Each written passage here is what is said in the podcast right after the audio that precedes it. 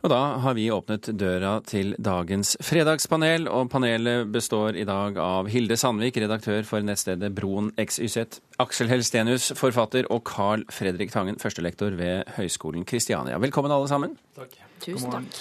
Og du gjør som vanlig, eh, Hilde, siden du sitter i vårt studio i Bergen, rekker opp hånden når du vil eh, melde deg på.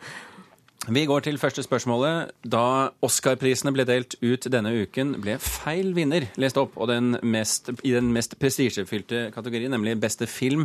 La La Land ble utropt til vinner, og et stykke ut i takketalene så ble det klart at det var slett ikke dem. Det var filmen 'Moonlight' som var den egentlige vinneren.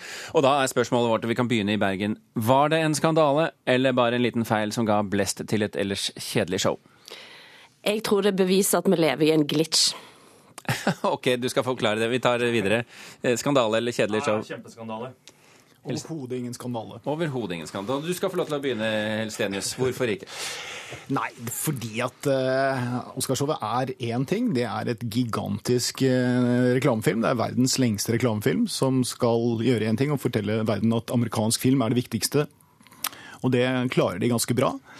Uh, derfor så er det veldig fint at de får seg en liten spark i rumpa av og til. At det går feil, at de også kan gjøre feil. Men at det også er god reklame? Det er jo det verste. Så det blir jo for så vidt god reklame også. Og som vi vet, vi som jobber litt med media, så er det jo alltid skandalene som får størst oppslag. Så de, jo fått, de fikk jo selvfølgelig mye større oppslag. At vi sitter her og diskuterer det, f.eks., er jo et eksempel på det.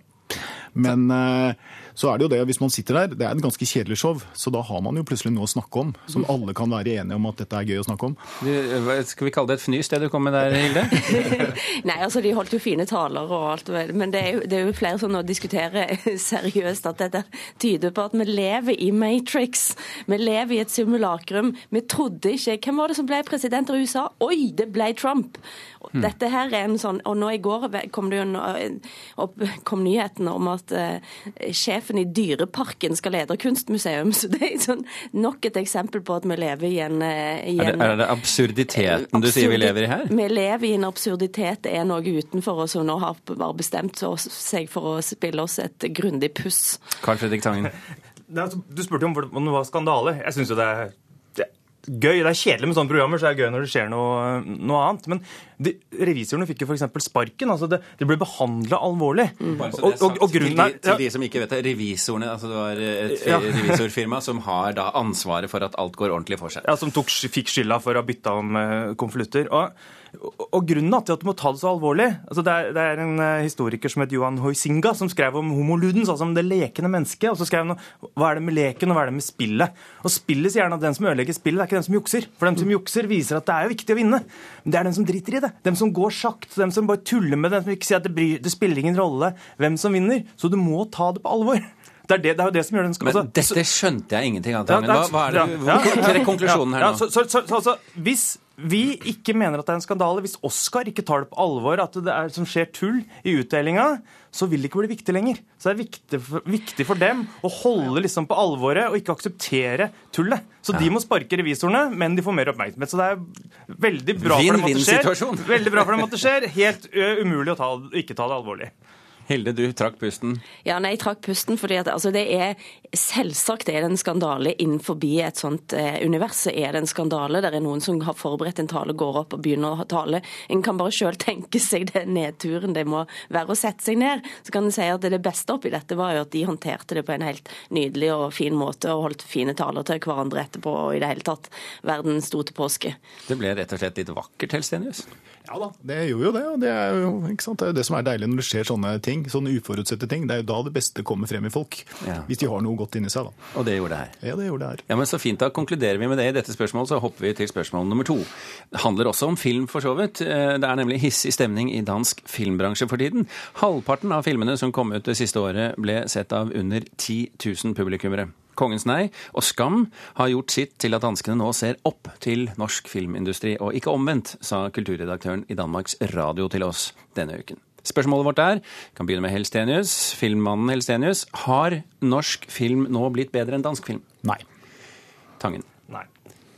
Tror jeg nesten ikke hører hva du sier der borte, Sandvik. Jeg sier nei. Jeg burde sagt ja, men det er jo jo det. sant. Du driver altså eh, Broen XYZ, som Ja. tar for seg nordisk eh, perspektiv på ting. Ja, og Derfor så sitter en jo òg da med den eh, bakgrunnsmaterialet som skal til for å vurdere dette. Blant annet så er det jo en sånn ting som at dansk film har hatt nesten 30% markedsandel jevnt i løpet av de siste fem årene. og Norsk film har aldri kommet opp på et sånt nivå. I Norge.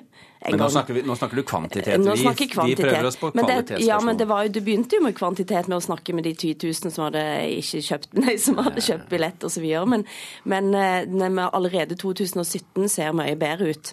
Og to filmer var jo Oscar-nominert eh, nå på denne Oscar-prisutdelingen som, eh, som vi snakket om. Men det er ingen tvil om at norsk film har begynt å komme seg.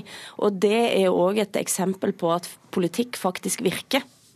Ja? Og det er interessant. Det bør kulturpolitikere se. at den- altså Er det en satsing, så får en faktisk eh, konsekvenser av det. Det aner meg at vi bare liksom eh, går litt forbi akkurat det perspektivet der, Hilde Sandvik, så vi ikke roter oss bort her. Ja. Helstenius, du har jo skrevet flerfoldig manus til norsk film. Er Ja har du blitt mye flinkere enn danskene nå? Jeg skulle jo gjerne sagt ja, men sannheten er vel ikke det. Altså, sannheten er at vi lever i veldig mye lik kultur, danskene og oss. Altså, det er staten som betaler for mye av gildet. Og eh, sånn som vi også skal snakke om, det er jo mange av disse talentene som har dratt til, til utlandet, dratt til Hollywood. Og det er flere dansker som har dratt dit enn norske, selv om det, vi har en del der også.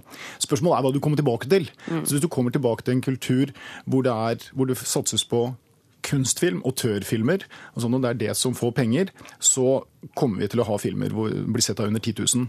Hvis man satser på Hollywood, som er rent kommersielt, og du kommer tilbake til en kommersiell bransje, så kanskje kan vi få opp det, hvis det er det vi ønsker. Men vi står i spagaten nå. Altså, vi er i et, fremdeles i et landskap hvor vi støtter kunst. Men det bransjen og det publikum ønsker, er kommers og store publikumsfilmer. Jeg synes diskusjonen her blir litt sånn som ski. Hør hva den svenske kommentatoren har sagt. Norske, Nor Norge er bedre enn eh, Sverige, eller noe sånt. Um, det, er det, Hilde burde, det Hilde burde sagt, er at vi skulle lage et nordisk filmmiljø. Altså, for, sånn ser du at det er delvis, og at det er skuespillerne går på tvers. og altså, det, er jo ikke en konkurranseidrett eh, på den, eh, på den måten. Det tror jeg er skummelt med en sånn diskusjon. Hvem er best og hvem er størst? Og at du plutselig begynner å tenke hvem er mest lønnsom.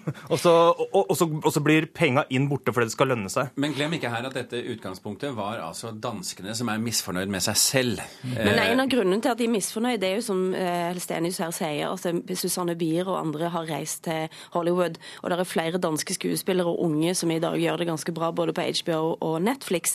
Men serien Broen er jo et, ek- et eklatant eksempel på at samarbeid over grensen, der en har utnytta eh, manusskriveriene til danskene og, og regigrepet til svenskene, og så klarer en faktisk å gjøre noe ganske kult med å jobbe på tvers. Så der er jeg jo helt enig med Carl Fredrik. Ja. Vi kan runde av der også, vi, siden du nå fikk nevnt broen i, også i filmmessig eh, betydning. Eh, Hilde Sandvik, vi går til spørsmål nummer tre.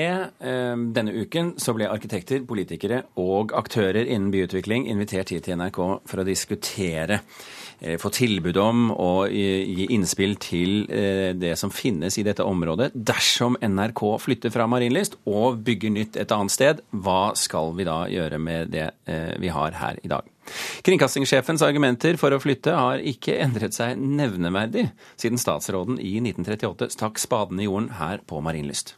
Kringkastingen har her hos oss i alle år arbeidet under elendige lokalforhold. Virksomheten har øket sterkt, og utviklingen på dette området har gått for seg med eventyrlig fart disse årene. Dette var altså 1938, omtrent samme manus som Tor Gjermund Eriksen bruker fremdeles. Dette var statsråd Nils Hjelmtveit. Eh, Spørsmålet vårt er, og vi kan jo begynne i Bergen også denne gangen, er disse argumentene fortsatt gode nok til å forsvare flytting? Ja. Nei. Overhodet ikke. Nei vel. Ok. Hvorfor så, så bestemt? Nei, altså Jeg har bare lyst til å sitere fra et av mine manus en gang, hvor det er en kvinne som sier til en mann eh, Dere menn, vet du, dere har alt, og det er jo ikke nok for dere. Og det tenker jeg med NRK. Det NRK, Dere har alt, og så er ikke det nok for dere. Dere bor på det aller beste stedet i byen. Dere har fantastiske lokaler. Dere har liksom, de beste folka. Alt mulig rart. Og ikke minst en nærhet til nesten alt. Og så har man tenkt å liksom selge den indrefileten for å kjøpe noe annet som man ikke aner hva er, og som helt sikkert kommer til å bli dyrt, og sannsynligvis på et veldig ukurant sted, det bare fatter, men, fatter jeg ikke. Men selve plasseringen, skal jeg jo si til uh, Tor Gjermunds forsvar, er jo mindre uh, interessant her. Det er jo Hvorfor- innholdet som Nei, teller, ikke sant? nei, nei, nei. tenk, hvis dere legger dere til Lørenskog, skal vi stå opp grytidlig om morgenen for å komme til Lørenskog? Skal du Det ikke folk fra Lørenskog? Ja. Nei, men det er ikke snakk om. Dette, dette avslørte alt for meg. Skal vi komme fra helt fra Lørenskog? Det er sånn, sånn Til er. Lørenskog, til Lørenskog. Til, til, ja, men til Lørenskog. Da, det, da er, sier Ja, det alt om Men, men, det argumentet, da. Hvis, hvis vi går til det sitatet så Nå går alt så fort. eh, Vi må, gjøre, vi må gjøre noe. Altså, I 1938 går alt så fort, og så i eh, hva er det nå? Det er krig. 2017. Så det er jo det evige argumentet at akkurat nå så går ting så innmari fort. Og det som er pussig med disse folka, konsulentene, sjefene, som ser at alt går altfor fort nå, det er at de har akkurat den konkrete løsningen. Eh, Skolene må få en lesebrett, eller NRK må flytte, eller hva det er for noe. Og så ser du på det de, de gjør, da, 15 år etter. Sånn som SAS. og Alt nå går så fort i flybransjen, så vi trenger å lage en groundscaper utafor Stockholm. Og så er de der i tre år, så må de flytte ut, for det funker ikke det bygget. Det er Nils Torp, den norske arkitekten, som tegna det. og folk skulle møtes ved vannfontenen og sånn. Og så er det så vanskelig for dem, så må de flytte ut. Og så har de ikke råd til å beholde det huset, så tvinges de til å flytte tilbake til et hus som ikke funker. Telenor bygger svært, og så må de begynne å leie ut til mange andre ute på, ut, ut på Fornebu. Altså jeg, jeg tror at et sånt bygg som de skal bygge nå, det kommer til å bli en ruin over misforståtte teknologiforståelser fra, 19 altså fra 2020-tallet. De siste 30 sekundene bruker vi på Hilde Sandvik. Altså, Jeg sa ja veldig forbeholden, for jeg regner med at det kommer til å komme masse nei. Og, og i utgangspunktet så er Marienlyst et fantastisk område og den største kultur og den viktigste kulturinstitusjonen i landet.